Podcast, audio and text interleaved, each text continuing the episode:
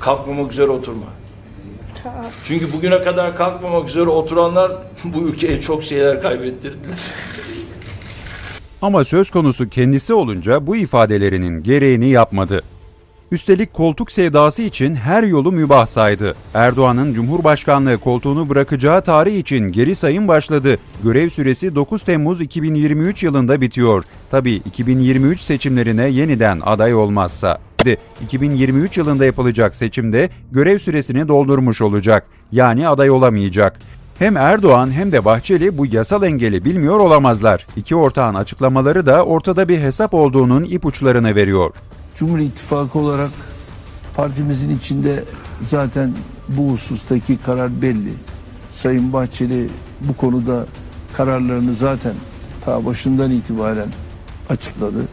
Önce iktidar ve ortağının dillendirdiği ihtimalle başlayalım. Erdoğan 2014 yılındaki seçimlerde ilk kez halk tarafından seçildi. Ancak yetki ve sorumlulukları tıpkı meclisin cumhurbaşkanı seçtiği dönemlerdeki gibi sembolikti. Yani parlamenter sisteme göreydi. Erdoğan'ın 2018 yılında ikinci kez seçildiğinde anayasa çok farklıydı. Sistem de değişmişti ve artık başkanlık sistemi vardı. Başkanlık sisteminin ilk dönemi olduğu için de Erdoğan yeniden aday olabilir. Recep Tayyip Erdoğan bal gibi aday olur. Ben size her türlü hukuki açıdan bunu ispat edebilirim. Cumhur İttifakı'nın adayı tabii ki Sayın Cumhurbaşkanımızdır. Gelelim diğer ihtimallere. Erdoğan istifa edebilir. İmkansız gibi görünse de seçeneklerden biri de bu. Böylece meclisin de görev süresi biter. Yüksek Seçim Kurulu birlikte yapılacak Cumhurbaşkanlığı ve milletvekili seçim takvimini belirler. Erdoğan üçüncü kez aday olarak sandığa gider. Kıymetli misafirler, Ya da meclis erken seçim kararı alabilir. Erdoğan o zaman tartışmasız aday olabiliyor. Ancak mecliste erken seçim kararı almak için en az 360 milletvekilinin oyu gerekiyor. Cumhur İttifakı'nın ortakları AKP ve MHP'nin milletvekili sayısı bu rakama ulaşmıyor. Muhalefetin destek vermesi gerekiyor. Ancak zor gibi. Diğer yandan Cumhur İttifakı muhalefet kanadından milletvekili transfer edebilir mi? İmkansız değil. Geçmişten örnekleri olduğunu hatırlatalım. Ve son ihtimal seçimler zamanında yapılır. Muhalefetin savunduğu teze göre Erdoğan aday olamaz. Anayasal itiraza rağmen Erdoğan aday olursa son kararı Yüksek Seçim Kurulu verecek. YSK'nın son dönemlerde AKP'nin lehine olan tartışmalı kararlara imza attığını Sağır Sultan bile biliyor. Diyelim ki Erdoğan bu engeli de aştı ve aday oldu. Ancak bu kez de önüne Cumhurbaşkanlığı seçimi için uygulanan %50 artı 1 sistemi çıkıyor. Oyları eriyen Erdoğan'ın bu sistemde seçilmesi zor gibi. Anketlere göre AKP'nin oyu her geçen gün biraz daha eriyor. Bu sebeple Erdoğan kendisi için kabusa dönen bu sistemi değiştirmek için girişimde bulundu. Ancak Devlet Bahçeli öfkelenince geri adım attı. Erdoğan Bahçeli'yi ikna edemedi, Erdoğan'a başkanlık yolunu açan Bahçeli 50 artı 1 ısrarı sebebiyle Erdoğan'ın sırtından atamadığı kambura dönüştü. kamburundan kurtulmalıdır. Alparslan Türkeş'i anma toplantısında yaşanan saldırı onu bir kez daha tartışmaların merkezine çekti. Çıkan kavgada Ankara Büyükşehir Belediye Başkanı Mansur Yavaş'ı suçlamakla kalmamış, tehdit etmişti. Bundan sonra Mansur Bey dikkat etsin. Artık kendisinin arkasında bir ikinci nefes vardır. Her gün de takip edeceğiz. Biz onu sessiz ama racon kesen sert görünümüyle tanıyoruz ve bir de klasik araba, arabesk ve tesbih tutkusunu biliyoruz.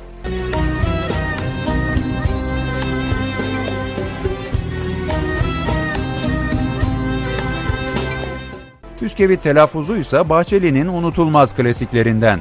Evinizde çocuklar televizyonun karşısına dizilmiş oturuyorlar. Karşınızda reklamlara çıkan çocukların elinde çikolatalar, bisküvitler. O çocuk aklından geçiriyor. Benim de bir çikolatam olsa, benim de bir bisküvitim olsa diyor.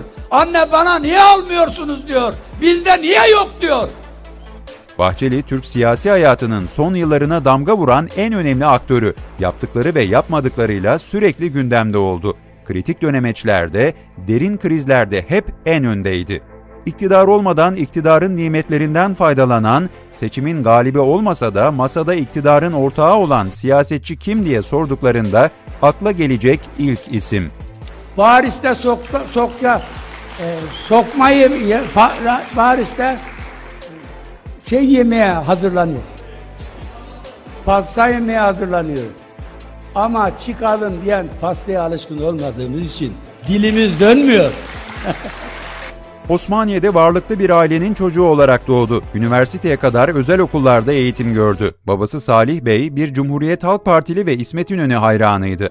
Sol bir aile geleneğinden gelen Bahçeli, ülkücü camia ile üniversite yıllarında tanıştı. Üniversitedeki sağ-sol çatışmasında sağda yer alan Bahçeli, camia içinde de etkin bir isim haline geldi. Meşhur üniversite işgallerinde ve ülkücü yapılanmada ön plana çıktı.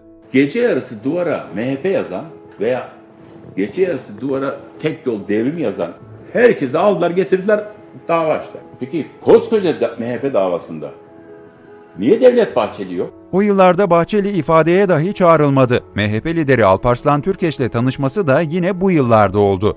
Devlet Bahçeli'nin istihbarat ajanı olduğuna dair iddiaları da duymayan yoktur herhalde. Bizi ilgilendirmiyor. Ama internette Alparslan Türkeş'in el yazısıyla yazılmış bir notun dolaşımda olduğunu söylemeden de geçmeyelim. Devlet Bahçeli'nin zaten bir e, e, el yazısıyla mektubu da var babamın. Bir ajan olduğuyla ilgili net bir durum var ortada. Bahçeli, Alparslan Türkeş vefat edince oğlu Turul Türkeş'le girdiği genel başkanlık yarışını kazandı ve 1997 yılında MHP'ye genel başkan oldu. Böylece başbuğluk makamına postu serdi, ilk zaferini kazandı. Ardından 1999 seçimlerinde partisi %18'in üstünde oy alarak DSP'den sonra ikinci parti oldu. Bu sonuç Bahçeli'ye de başbakan yardımcılığı kapısını açtı. İlk kez milletvekili seçilen, üstüne başbakan yardımcısı olan Bahçeli, ilk krizini de Abdullah Öcalan'ın yakalanması sonrası yaşadı. Bahçeli, Öcalan'ın idamı için diretti ancak dönemin başbakanı Bülent Ecevit Bahçeli'yi ikna etti. Öcalan'a idam cezası verilse de bu ceza daha sonra müebbete çevrildi. Bahçeli'yi bilen bilir, her adımını hesaplayarak atar. 2009'u yazarken de 2-0 var. 9'un yanındaki 0 solda 0. Sildiniz. Kaldı mı 9? 2'nin yanında bir 0 var. Onu da sildiniz. Kaldı mı 2? Toplayın ne yapar? 11 yapar. 2009'un içerisindeki 2 sıfırı da sildiniz. Ne kaldı? 29 kaldı. 11 ile 29'u toplayın. 40 yapar ve Milliyetçi Hareket Partisi'nin 40. yıl dönümü. MHP iktidar olamadı ama Bahçeli'nin ince hesapları iktidar olamayan MHP'ye hep kazandırdı. 2001 krizi malumunuz. Anayasa kitapçığının, yazar kasanın fırlatıldığı yıllardan bahsediyoruz. Kemal Derviş'in hayatımıza girdiği, Ecevit'in sağlığının bozulduğu, İstanbul Büyükşehir Belediye Başkanlığı görevinden alınan Erdoğan ve arkadaşlarının ön plana çıktığı o karmaşık günlerde sürpriz seçim çıkışı Bahçeli'den geldi. Bahçeli'nin hala tartışılan bu çıkışı sonradan anlaşılacaktı. Eski Devlet Bakanı Namık Kemal Zeybek'in yıllar sonra yaptığı açıklamada detaylar ortaya çıktı. Ancak gerekçesi yine karanlıkta kaldı. O sırada bir telefon geldi. Telefonda uzun uzun konuştu. Bana anlatan bir arkadaş dedi yüzü sararmıştı dedi. 3 Kasım'da yapılan seçimlerde AKP tek başına iktidara geldi. Seçim sonuçlarında en büyük kayıp MHP'ye aitti. MHP çok az bir farkla baraj altında kalınca Bahçeli genel başkanlıktan istifa etti. Ancak bir süre sonra baskılara dayanamayarak yeniden genel başkan oldu. O yıllarda AKP iktidarına sert muhalefet yaptı. Öcalan'ın cezasını müebbete çeviren belgenin altında imzası olduğunu unuttu. Erdoğan'la Öcalan'ın asılması üzerinden polemiğe girdi. Seçim meydanlarında kürsüye elinde iple çıktı. Oğluna gemi alacak kadar param var. Asacak kadar ip mi bulamıyorsun? Ver şu ipi. Al sana bir ip veriyorum al. Haydi az. İzlediği muhalefet 2007 seçimlerinde MHP'nin yüzünü güldürdü. MHP %14'ün üzerinde oy aldı. Bahçeli partisini yine meclise taşıdı. Ancak ortada dağ gibi 367 krizi duruyordu. Parlamenter sisteme göre Cumhurbaşkanını meclis seçiyordu. Anayasa Mahkemesi, Cumhurbaşkanlığı seçimi yapılabilmesi için en az 367 milletvekilinin mecliste olması gerektiğine diretiyordu. Muhalefet ise AKP'nin adayı Abdullah Gül'ün adaylığına karşıydı. Bu hareketi beraber kurduğumuz Abdullah Gül kardeşim. Krizin zirve yaptığı dönemde Devlet Bahçeli'nin talimatıyla MHP'li vekiller Meclis Genel Kurulu'nda yerlerini aldılar ve Gül Bahçeli'nin desteğiyle Cumhurbaşkanı seçildi. Bahçeli'nin bu desteği daha sonraki süreçlerde artarak devam edecekti.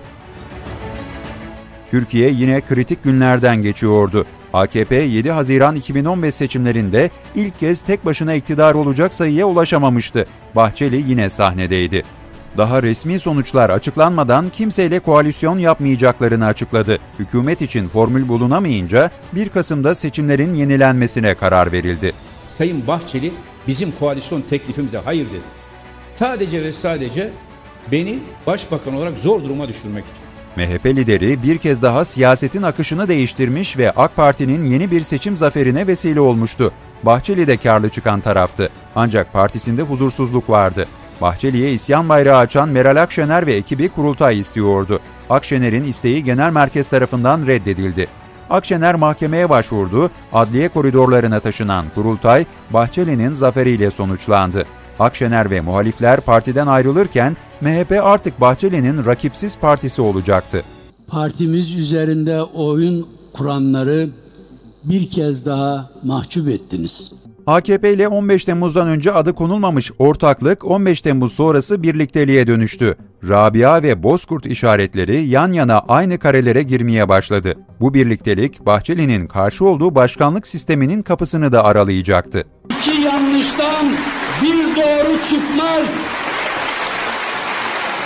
Tekeden süt sağılmaz. Balda tuz bulunmaz.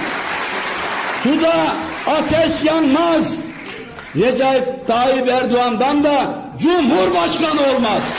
Ancak bir dediği bir dediğini tutmadı. Bahçeli Erdoğan'ın başkanlık hayali ve parlamenter sistemin sonunu hazırlamak için ön safta yer alacaktı.